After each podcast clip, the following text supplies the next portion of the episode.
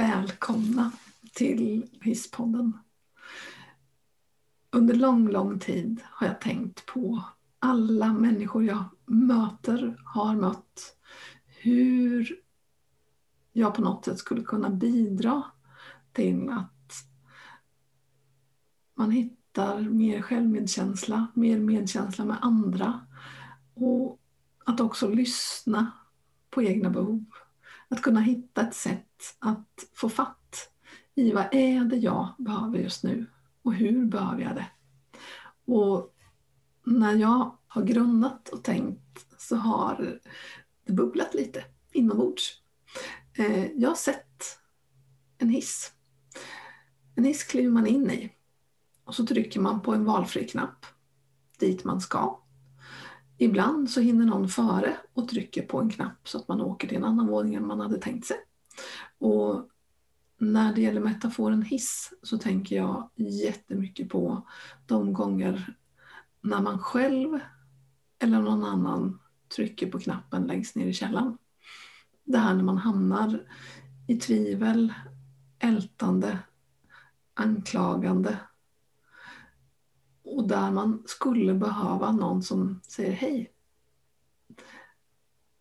Jag kan hjälpa dig upp ur mörkret. Jag kan hjälpa dig att ta hand om dina tankar. Jag kan också ge dig kunskap, tröst, vänlighet, höra vilka behov det är som du behöver just nu. Och att få ta in gäster som har den förmågan att dela med sig av just sån kunskap. Eh, en plan. Sen det här när man har en riktigt bra dag. Mm, när det är saker man känner att ja, men det funkar ju. Det är stabilt. Mm. Då kan man ju vidareutvecklas. Man kan lyssna på sina behov av nyfikenhet, engagemang, en önskan om att lära sig mer. Både utifrån forskning och kunskap men också utifrån vilka behov man faktiskt har av återhämtning. Fundera på riktningen i livet, hur jag bemöter mig själv, hur jag bemöter andra. Och så tänker jag att vi har de som delar med sig av mod och hopp. Och där vi kan lära oss nya saker. Sen möter jag också väldigt många människor som har hittat sitt flow. Det som gör att de blir upptagna. De eh, känner en glädje. De är helt i sin aktivitet. Och det kan handla om fysisk aktivitet, det kan handla om att bygga någonting, det kan handla om att göra någonting. Det kan handla om att läsa och förkovra sig. Det kan handla om nästan vad som helst. Och det ska vi också vara i. Sen så tänker jag att eh, det här är ju livet vi pratar om. Livet är en balansgång. Och ibland så åker vi bara rakt upp och det känns som att vi är väl alltid på väg dit. Och så rasar det. Det är som att det är en förtöjning som brister. Och att hjälpas åt att inte hamna alla längst ner i källan utan att inse att ja, vi behöver reflektera över oss själva. Vi behöver fundera på vilka vi är, vad det är vi faktiskt gör och står för. Och ibland så behöver vi fatta riktigt obehagliga beslut. Och när du eller jag fattar ett riktigt obehagligt beslut som vi måste göra så krävs det också mod. Det krävs väl underbyggt beslutsfattande. Det krävs också möjligheten att kunna resonera med sig själv eller med någon annan. Och de här dilemmana tänker jag är också någonting som vi kommer att resonera kring. Att ha verktyg för att ta hand om oss och ta hand om andra. För det här med att syresätta sig själv. Att eh, se till att man har gott om näring, sover bra, eh, goda relationer, känner sig trygg. Innan man ger bort omsorg till någon annan. Det tänker jag också är en viktig kunskap. Och sen hur vi bemöter andra. Hur vi tänker om att bemöta andra. Att det är så oerhört viktigt att ta reda på hur vill de bli bemötta? Inte som jag. Utan som sig själva. Och ibland behövs det anpassningar. Ibland behövs det extra kunskap. Ibland behövs det också tydlighet. Inte för många ord. Eller att jag väntar tills någon vill svara. Och att också träna på det här med lyssnande. Hur gör jag när jag lyssnar på en annan människa? Hur ofta dyker det in en reflex som säger att jag skulle vilja berätta. Jag skulle vilja berätta det här. Fast det kanske inte alls är läge. Hur gör jag för att bromsa den reflexen? Hur gör jag när det dyker upp en reflex om att ge råd? Att berätta att så här kan man också göra utan att först ha bett om tillstånd. Eller att vi dömer. Att vi dömer oss själva är ju det absolut vanligaste. Men också att vi dömer andra. Och mitt motto, tänker jag, dyker in här.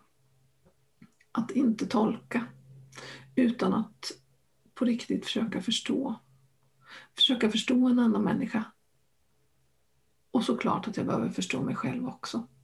Och när jag jobbar med det så tänker jag att där behöver jag ju hjälp av andra. Hur andra har tänkt och andra har gjort. Och jag i min grund är ju sjuksköterska och det har varit i 35 år. Vi skulle egentligen firat det i år men eh, det får bli 36-årsjubileum. Och att vara sjuksköterska det innebär ju att ge omsorg, omvårdnad på ett professionellt sätt. Men jag tänker att det också innebär att leda sig själv, att kunna fatta beslut, att vara lösningsinriktad, också luta sig på forskning och evidens. Det vill säga att det man gör är någon som har tittat på att det här fungerar och varför det fungerar. Så det är klart att det är en viktig del av den här podden också. Sen så är det ju jag som person nyfiken, intresserad av att lära mig nya saker och också våga prova. Och så småningom så kan ju det också bli evidensbaserat det man provar. Och att möta människor som har gått vägen före, upptäckt nya saker, provat, förkastat, provat igen tills man ser att det fungerar. Jag tänker det är också en del i att åka is. Det är inte alltid man lyckas hamna på rätt våning första dagen utan det kan ta tid, Det kan ta väldigt lång tid. Och i den här podden kommer du att få möta människor som har gjort alldeles vanliga saker. Alldeles särskilda saker. Och saker som väcker min nyfikenhet och förhoppningsvis din också. Jag har ett sätt att tänka kring återhämtning som jag tänker att vi ska fördjupa oss i också. Och det gäller förundranseffekten.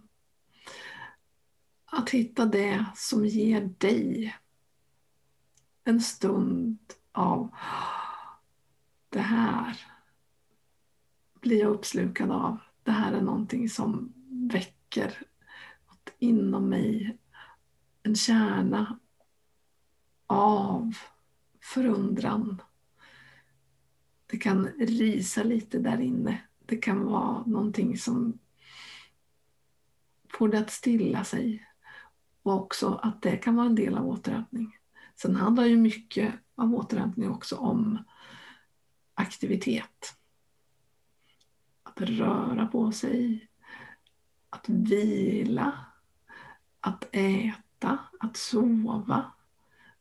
Att umgås med människor som ger trygghet och näring också. Att umgås med dem som ger dig energi. Och kanske undersöka lite grann, vad är det som tar din energi?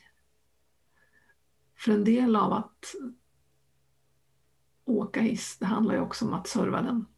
Att få den att bli hållbar och det är samma sak med oss. Och jag hoppas att du vill följa med upp och ner i hisspodden. Att du kanske vill vara gäst och att du är nyfiken på min första gäst. Nu stannar hissen för idag. Tack för att du lyssnat.